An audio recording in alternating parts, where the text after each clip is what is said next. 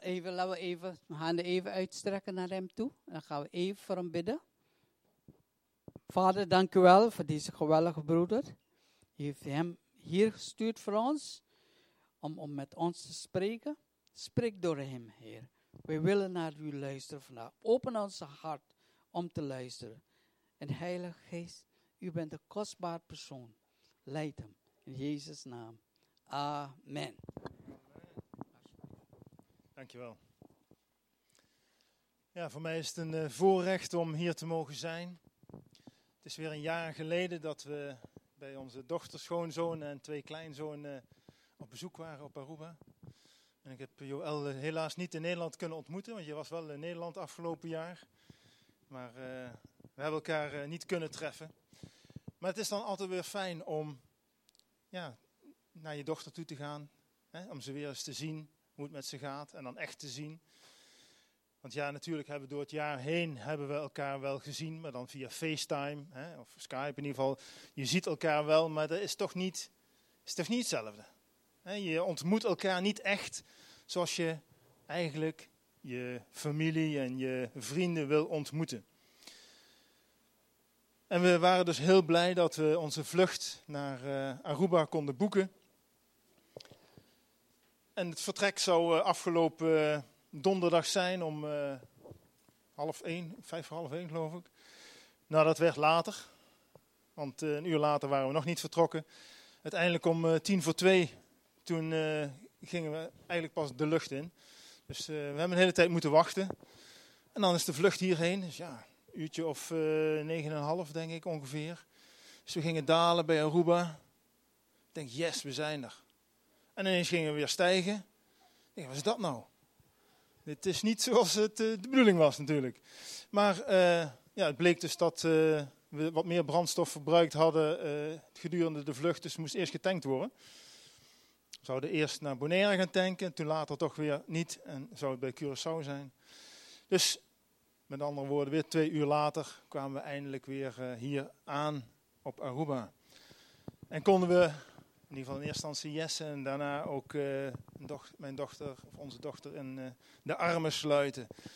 En dat is toch het echte contact waar het om gaat. Als je met je familie omgaat, met vrienden omgaat, maar ook in een gemeenschap, een, geen religieuze gemeenschap zoals uh, Moenes net ook al zei, maar echt een familie waarin je met elkaar optrekt, wil je elkaar ontmoeten.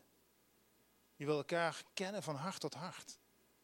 Je wil aan de ogen al kunnen zien van wat gaat er nou in die persoon om. En daarmee heb je een vertrouwelijke omgang nodig. Je hebt het echte contact nodig. En volgens uh, Paulus, die dat eigenlijk in de uh, brief aan de Colossense ook al schrijft, is het een heel groot geheimenis waarop wij dat contact met elkaar mogen hebben. In 1 uh, Colossense 1, daar staat ook dat Christus in ons aanwezig is. En dat is iets wat heel bijzonder is. We weten vaak wel van God die houdt van ons.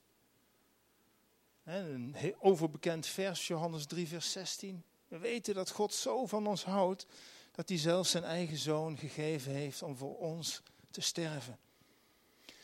Maar God wil nog veel meer. Want hij wil, net zoals mijn vrouw Anke en ik ook verlangden om weer bij Sharon te zijn. En het gezin, om ze in de armen te sluiten, om ze werkelijk uh, te kunnen knuffelen. Zo van, wauw, we zijn er weer, we zijn bij elkaar. Om zo met elkaar op te trekken, wil God ook met ons optrekken.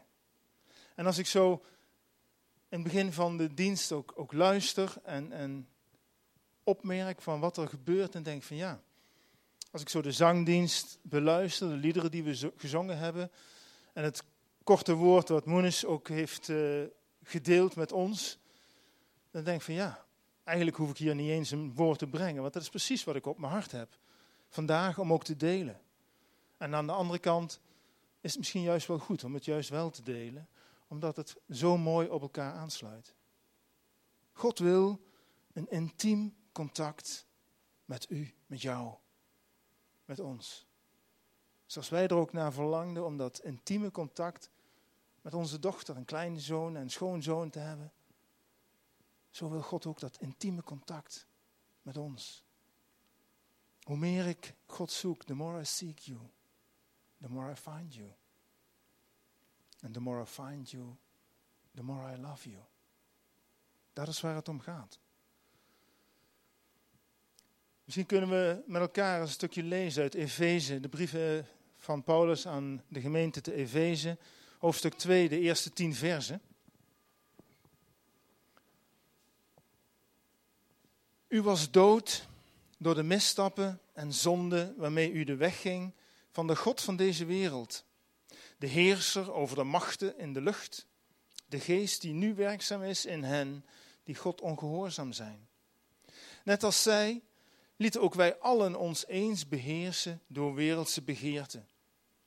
We volgden alle zelfzuchtige verlangens en gedachten die in ons opkwamen en stonden van nature bloot aan Gods toren, net als ieder ander. Maar omdat God zo barmhartig is, omdat de liefde die Hij voor ons heeft opgevat zo groot is, heeft Hij ons, die dood waren door onze zonden, samen met Christus levend gemaakt. Ook u bent nu door Zijn genade gered. Hij heeft ons samen met Hem uit de dood opgewekt en ons een plaats gegeven in de hemelsferen, in Christus Jezus. En zo zal Hij in de komende eeuwen, of in de eeuwen die komen, laten zien hoe overweldigend rijk Zijn genade is. Hoe goed Hij voor ons is door Christus Jezus. Door Zijn genade bent u immers gered, dankzij uw geloof. Maar dat dankt u niet aan uzelf. Het is een geschenk van God en geen gevolg van uw daden. Dus niemand kan zich erop laten voorstaan. Want Hij heeft ons gemaakt tot wij, wat we nu zijn in Christus Jezus. Geschapen om de weg te gaan van de goede daden die God mogelijk heeft gemaakt. Een heel bemoedigend woord van Paulus aan de gemeente van Efeze, maar ook van een bemoedigend woord aan een ieder van ons die in Christus Jezus geloven, die gered zijn door Hem, die vrijgemaakt zijn van de wet van de zonde. There is therefore no, no condemnation for those who are in Christ Jesus. For the life of the Spirit of life in Christ Jesus has set us free from the life of sin and death. Romeinen 8, de eerste twee versen. God heeft ons vrijgemaakt van die geest van deze wereld. En hij heeft ons de geest van Jezus Christus gegeven. En daartoe heeft hij, zoals in het laatste vers 10 staat, heeft hij ons gemaakt tot wat wij nu zijn, in Christus Jezus geschapen om de weg te gaan van de goede daden die God mogelijk heeft gemaakt. Uit onszelf kunnen wij die goede daden helemaal niet doen. Want we denken als mens zijn aan onszelf. Ieder mens is van nature ik-gericht. Maar God leert ons om aan die andere mensen te denken. Net zoals wat Moenes deelde over die man die in de auto zat. Ik heb helemaal geen melk nodig. Waarom zou ik melk gaan kopen? Maar God wil ons leren, wil ons vormen om niet aan onszelf te denken, wat ik nodig heb, maar juist om te denken aan diegene die naast ons staat. Want jij hebt misschien iets niet nodig, maar die ander wel. En als God jou in staat heeft gesteld om dat te kopen, waarom zou je dat dan niet kopen en geven aan die ander? God wil ons leren om datgene te doen, de weg te gaan van de goede werken. En niet die we zelf bedenken, want soms kunnen we ook zelf allerlei dingen bedenken. Oh, misschien zal ik dit doen, misschien zal ik dat doen. Dan ben je bezig met je eigen werken. En God wil niet dat wij roemen op iets van, hé, hey, dit heb ik vanuit mezelf. Dit kan ik geven. Nee, God wil dat we eigenlijk als het ware helemaal afgebroken worden tot niks. En met lege handen voor hem staan en zeggen, vader, ik weet het niet. Wat kan ik doen? Spreek tot mijn hart. Opdat ik datgene ga doen wat u wil. Want als ik datgene ga doen wat ik zelf wil, dan doe ik toch telkens weer het verkeerde. Zegt Paulus dat niet? Dat er strijd is tussen het goede en het kwade? Romeinen 7, alles wat ik verlang te doen, het goede, dat laat ik na. En wat ik wil vermijden, het kwade, dat doe ik. Wij zijn niet anders dan Paulus. Wij leven vanuit dezelfde relatie met God. Als we doen wat in onszelf is, dan doen we niet het goede.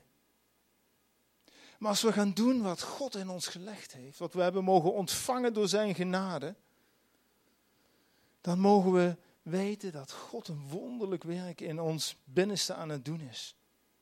Wij hebben Gods hulp nodig. En in ieder die denkt van ik kan het zonder God, ik bid voor je dat je mag gaan leren ontdekken wat het is om te leven met God. Om te leven in afhankelijkheid met God. Martha die was heel druk bezig alles te organiseren en het leek aan de buitenkant allemaal heel perfect. Geweldig, alles is er, er wordt overal aan gedacht. Maar waar het om ging was het contact met Jezus, dat misten ze. En misschien zijn wij in ons leven ook vaak zo druk bezig. Ik hoorde het ook vanmorgen zeggen, dan ben je druk bezig en dan vergeet je om God te zoeken. En hoe makkelijk stappen wij, ook ikzelf, daar niet in. Om bezig te zijn met dingen van de wereld, dingen die belangrijk zijn. En waar gaat het nu uiteindelijk om? Om te leven vanuit het contact met Jezus. Om zijn hartslag te horen. En Hem te aanbidden. En je te laten gebruiken door Hem. Want Hij wil door een ieder van ons heen werken. En dat is niet altijd makkelijk. Omdat wij leven met een nieuwe mens in de oude mens. Want we zijn niet uiterlijk veranderd toen wij tot geloof kwamen. Als je Jezus hebt aangenomen, als je vrijgemaakt bent van die wet van zonde, leef je nog steeds in je oude vlees. En afhankelijk van welke leeftijd je tot geloof bent gekomen, en afhankelijk van hoeveel effort, hoeveel moeite je ervoor doet om God beter te leren kennen, zul je die strijd met jezelf elke keer opnieuw weer zien, merken. Als je als kind opgroeit en je hebt gelovige ouders, en dan bedoel ik niet religieus gelovende ouders, maar ouders die leven vanuit een levende relatie met Jezus Christus, dan krijg je eigenlijk al met de paplepel ingegeven hoe je mag vertrouwen op God. Maar als je dat niet bent, ik was 25 toen ik tot geloof kwam. En ik had dus al een kwart eeuw zonder God geleefd. En op dat moment zit er al heel veel in jouw binnenste wat niet correspondeert met het denken zoals God denkt. Want ik zie heel vaak nog met mijn natuurlijke ogen, terwijl God juist zegt, ik kijk niet met natuurlijke ogen, want ik ben niet zoals een mens. Ik kijk niet naar de buitenkant. Maar God, die kijkt naar de binnenkant. Die kijkt naar je hart. Hoe is het met je hart?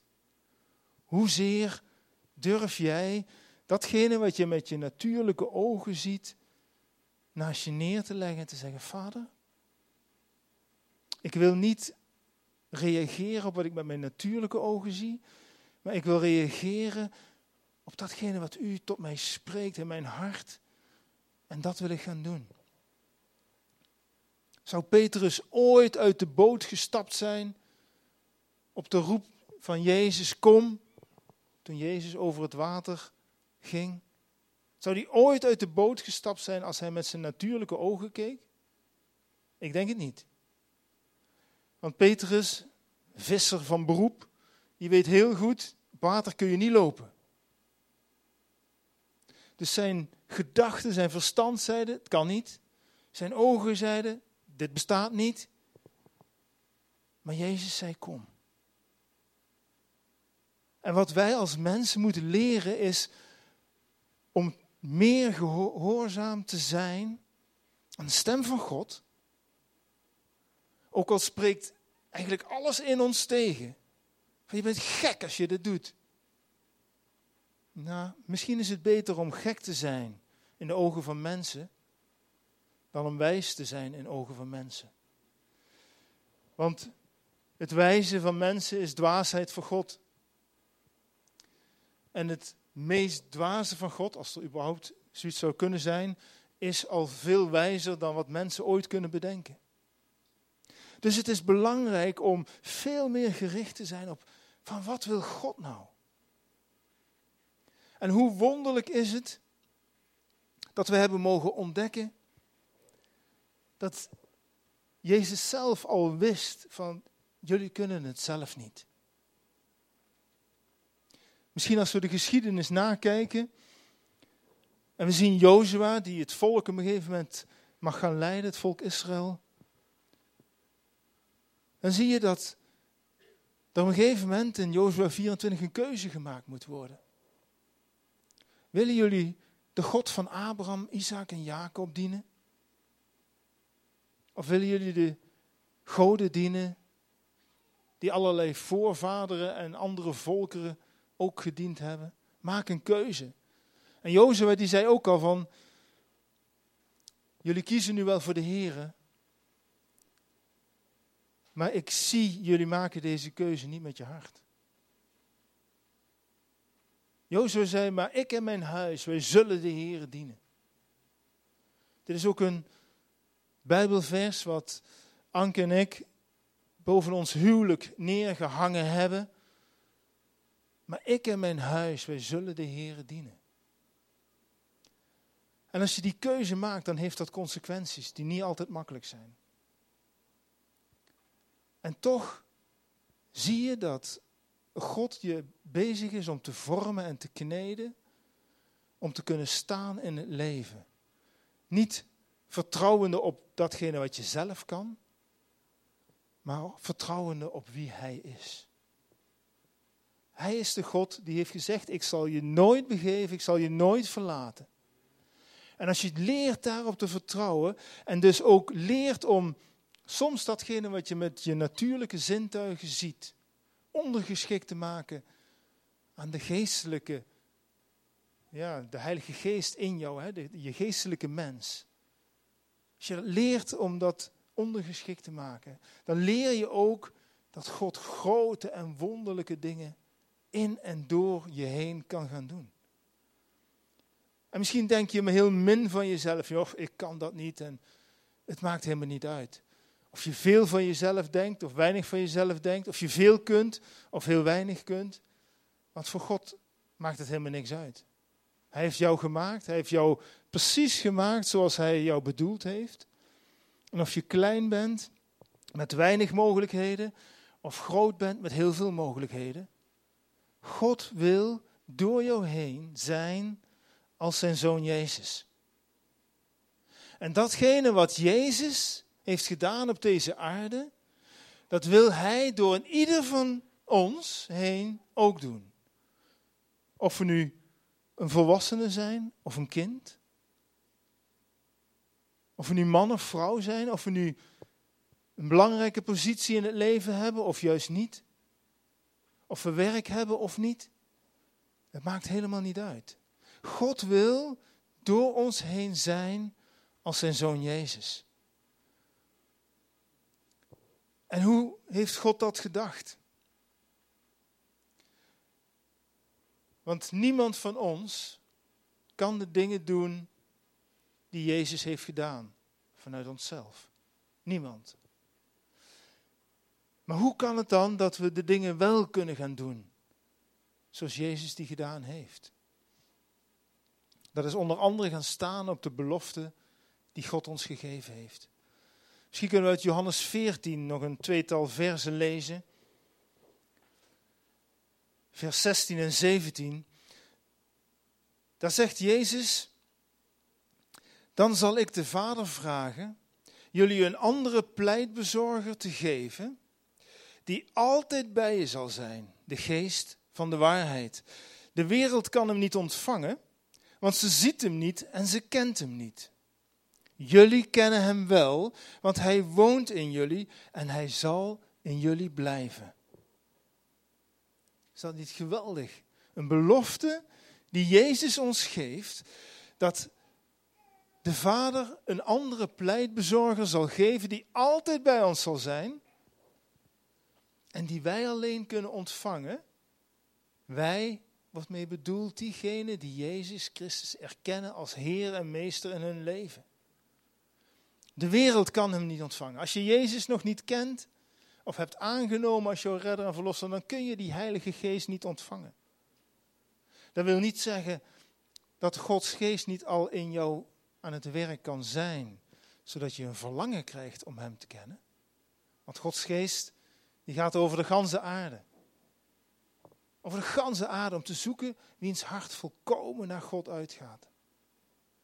Dus hoe meer we Hem zoeken, zoals we straks ook gezongen hebben, hoe meer we Hem zullen vinden.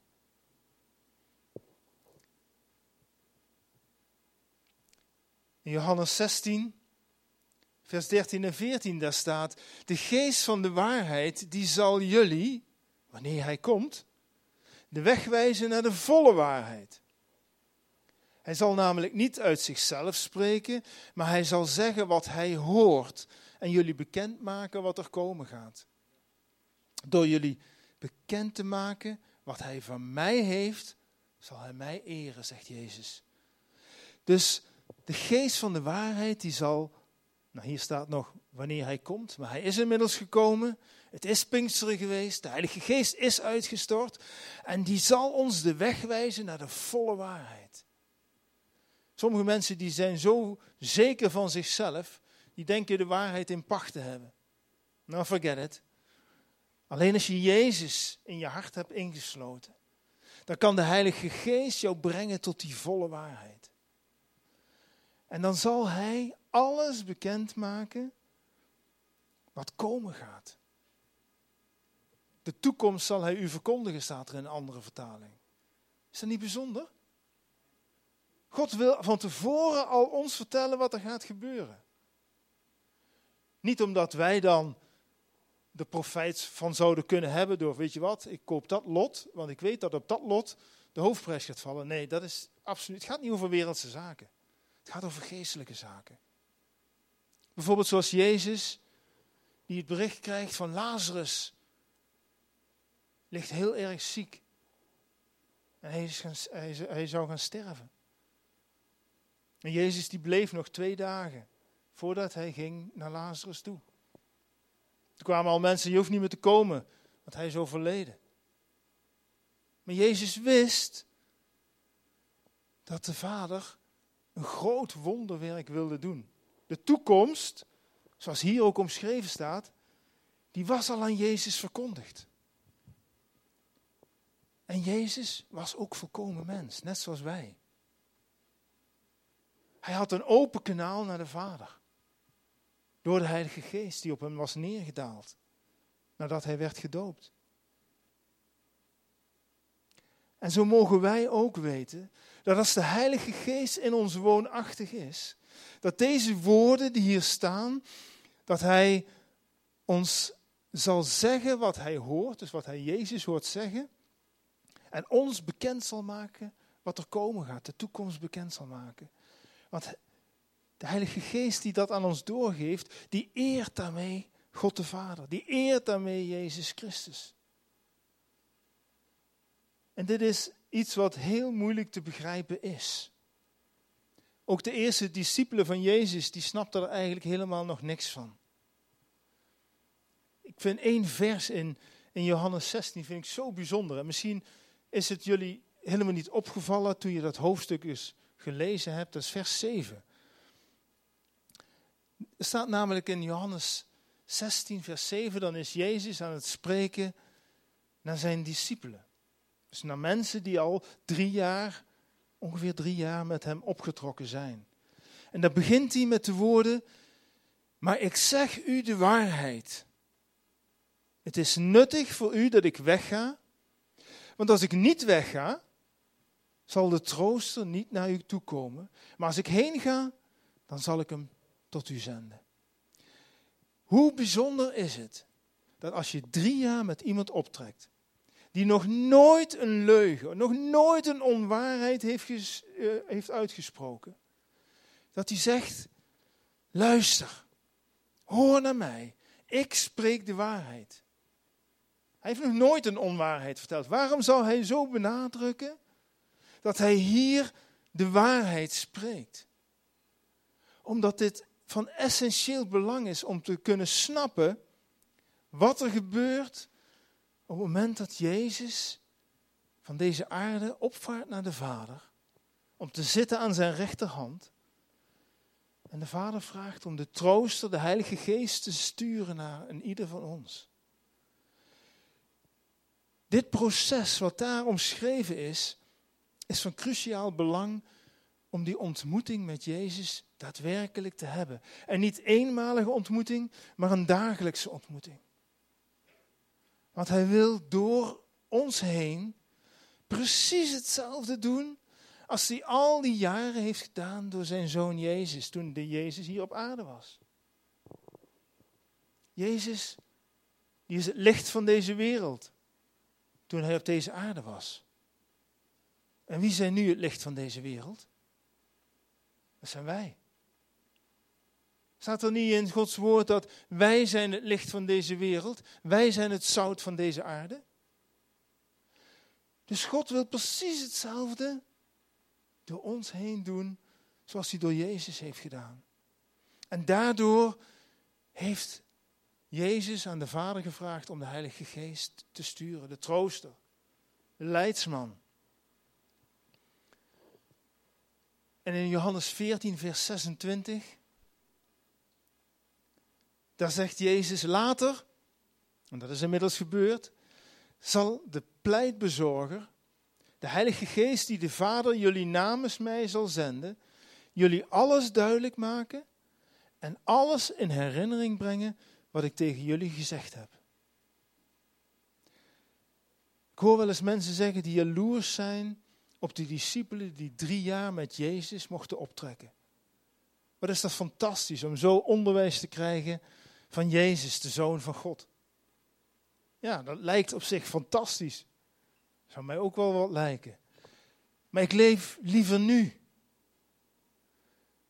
Omdat deze belofte hier, dat de Heilige Geest, die gezonden is, waarvan staat dat Hij ons alles duidelijk zal maken en alles in herinnering zal brengen wat Jezus tegen zijn discipelen gesproken heeft. Hij wil dus ons persoonlijk onderwijs geven over elke omstandigheid waarin wij zullen komen, misschien vanmiddag, misschien vanavond of morgen of komende week. Hij wil ons in alles voorbereiden. Hij wil vertellen hoe wij mogen reageren. Of meteen in actie moeten komen, zoals die melkpak of dat melk gaan kopen. Of dat we nog twee dagen moeten blijven wachten voordat we naar een plek gaan. Hij wil ons alles te binnen brengen, zodat we als Jezus mogen zijn, hier op deze aarde. Dit is een rijkdom die nog veel groter is dan dat we ooit zouden hebben leren kennen om samen met Jezus, lijfelijk met Jezus te wandelen. Want de Heilige Geest, die is op elke plek tegelijkertijd.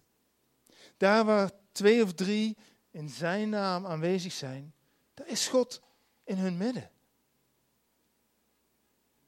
Er staat er niet in 1 Korinthe 3, vers 16 zo duidelijk dat de Heilige Geest, die woont in ons. We zijn een tempel van de Heilige Geest.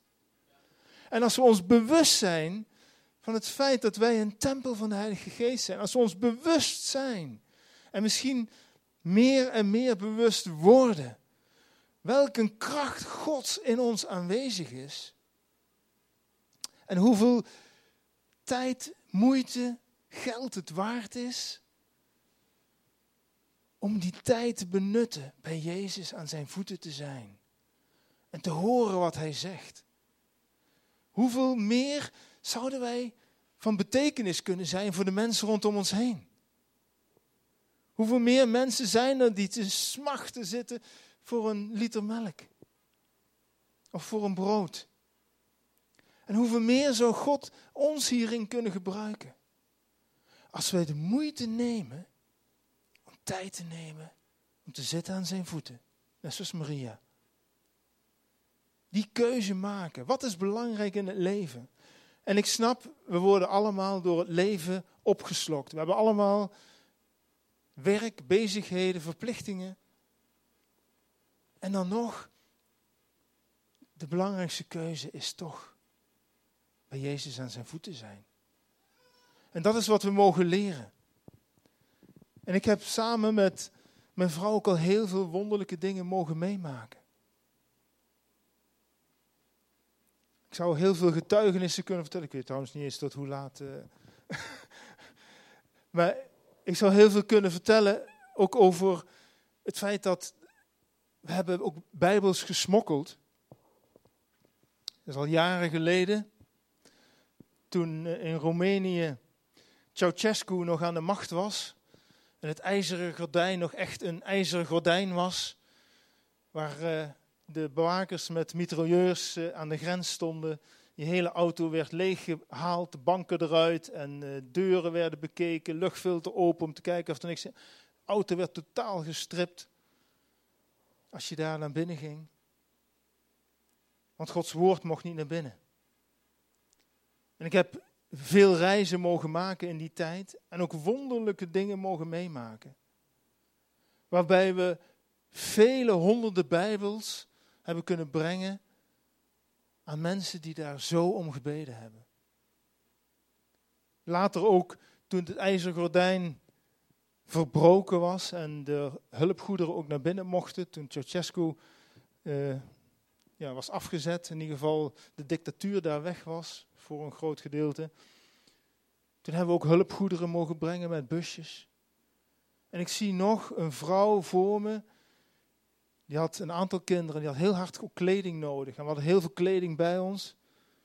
We hadden ook een paar bijbels uh, meegenomen. En die vrouw die vergat alles om zich heen. En die pakte een bijbel, tranen over de ogen. Hier heb ik 25 jaar lang voor gebeden. En nu heb ik een bijbel. En dan zie je wat is belangrijk in het leven. Dicht aan Gods vaderhart zijn. Weten waar het om draait in het leven. Dat is niet het materiële. Tuurlijk, het materiële is ook belangrijk. Dat klopt. Maar als we te eten en te drinken hebben, als we onderdak hebben, dan mogen we tevreden zijn. Ik zei van de week nog, in, in Nederland weten we niet hoe goed we het hebben. We hebben zoveel overdaad. En nog lopen we te zeuren en te demonstreren en weet ik wat allemaal. Want we willen meer en meer en meer. En daar gaat het helemaal niet om. Is helemaal niet belangrijk. Ik ben zo blij dat, dat God mij geroepen heeft. Ook om in de dienst te staan van Hem. En dat is ook niet over rozen gegaan. Ik, uh, ik heb op dit moment twee, uh, twee banen. Ik zeg altijd, ik ben vertegenwoordiger van de wet en van de genade. Ik ben in Nederland politieman. En ik ben ook voorganger in de kerk. En het is zo geweldig om op beide plaatsen te mogen staan in het leven. Als zendeling bij de politie en als boodschapper van genade ook in de gemeente, om mensen te bemoedigen. Het is zo belangrijk dat mensen Jezus leren kennen. En het is zo belangrijk dat we leren om samen met Jezus te wandelen en de dingen te doen die Hij belangrijk vindt. Ik heb er ook moeten leren om datgene te doen wat Hij belangrijk vindt.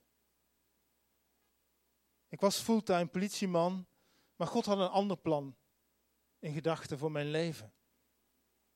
En dat ging letterlijk niet zachtjes om mij dat duidelijk te maken. Misschien was ik zachthorend, dat weet ik niet. Of slechthorend zeg je dan, hè? In de voorbereidingen op een reis die wij zouden gaan maken in 2007. Dat ons ter ere van ons 25-jarig huwelijk was dat destijds. Toen heeft God eigenlijk op ons hart gelegd om naar Borneo, Indonesië te gaan. Om daar een zendeling te bezoeken die daar een geweldig project voor God neer aan het zetten was en nog steeds is. En daar op die reis hebben we wonderlijke dingen meegemaakt. Ik weet van die zeven weken, weet ik van twee weken helemaal niets meer af. Ben ik compleet kwijt, omdat ik uh, een ongeluk heb gehad in uh, uh, Borneo, midden, in de Rimboe. stond ik hoog op een ladder en daar viel ik vanaf. Nou, ik zal de details besparen, maar in ieder geval, ik ben uh, naar het ziekenhuis gevlogen. En uh, ik heb daar op het randje van de dood gelegen.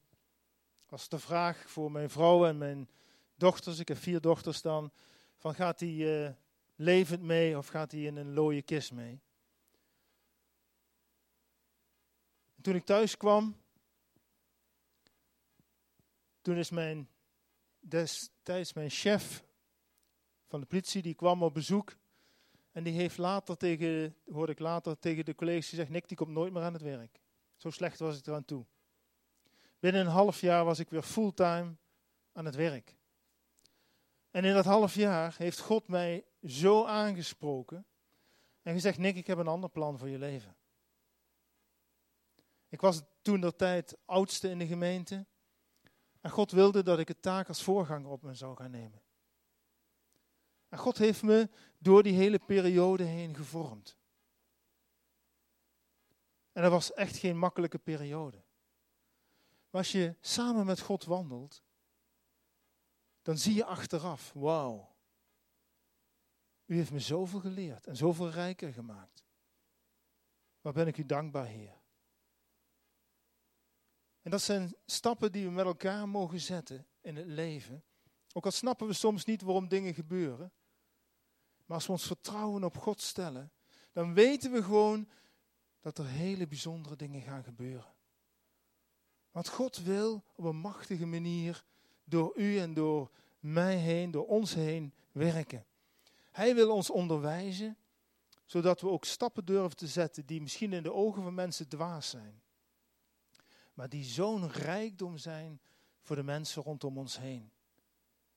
En als de Heilige Geest ons alles in herinnering brengt wat Jezus heeft onderwezen aan zijn discipelen, hoeveel rijkdom hebben we dan niet gekregen? En dat is ook eigenlijk wat in Efeze eigenlijk al uh, stond, dat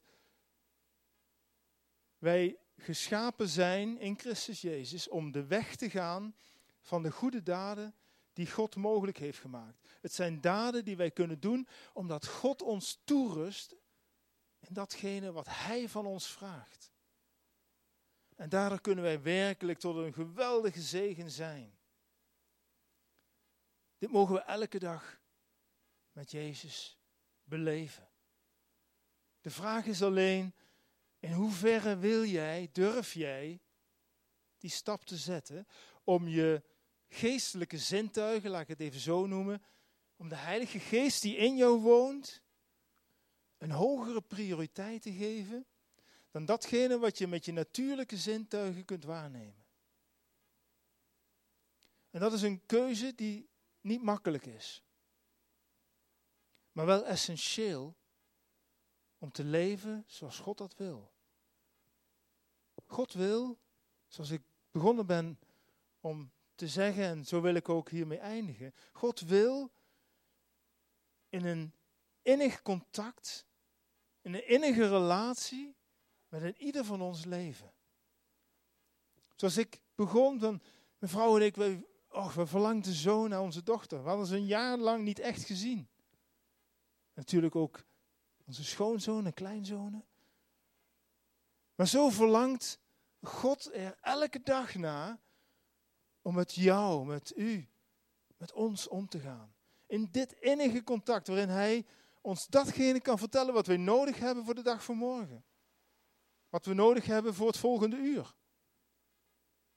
En dat kan als we leren om te luisteren. Als we leren om te zoeken, zodat Hij tot ons kan spreken. Leren luisteren. En van leren luisteren mag je overstappen naar leren uitspreken. Want ook dat is iets wat dan niet makkelijk is. Als God iets tegen je zegt, dan ga je het dan ook doen. Want dat is stap 2. Jezus zei ook, degene die mijn woorden hoort en ze doet, dat zijn mijn vrienden. Dus het is niet alleen luisteren, maar daarna ook doen. Want wil je een licht zijn van de wereld zoals Jezus licht was? dan moet er wat gebeuren. En je, er zijn allerlei praktische voorbeelden. Van een lamp zet je niet onder een tafel, maar die zet je hoog, zodat het licht gaat schijnen. Nou, willen wij dat licht zijn? Willen wij het zout zijn? Willen wij zorg hebben voor onze naasten? Dat zijn keuzes die in ieder van ons voor zichzelf moet maken. Maar samen kunnen wij werkelijk een lichtbron zijn. Samen kunnen jullie een lichtbron zijn voor Aruba. Als je omziet naar je naaste. Als je omziet door te luisteren naar God. En misschien bij vreemde mensen aanklopt om wat melk te brengen. Kun je tot een enorme zegen zijn. Amen. Amen. Daarmee wil ik jullie in ieder geval zegenen. En uh, ik hoop dat uh, ja, we met elkaar deze weg zullen gaan. Elke dag opnieuw. Genieten van Gods aanwezigheid. En tegelijkertijd ook genieten om door Hem gebruikt te worden. Amen. Amen.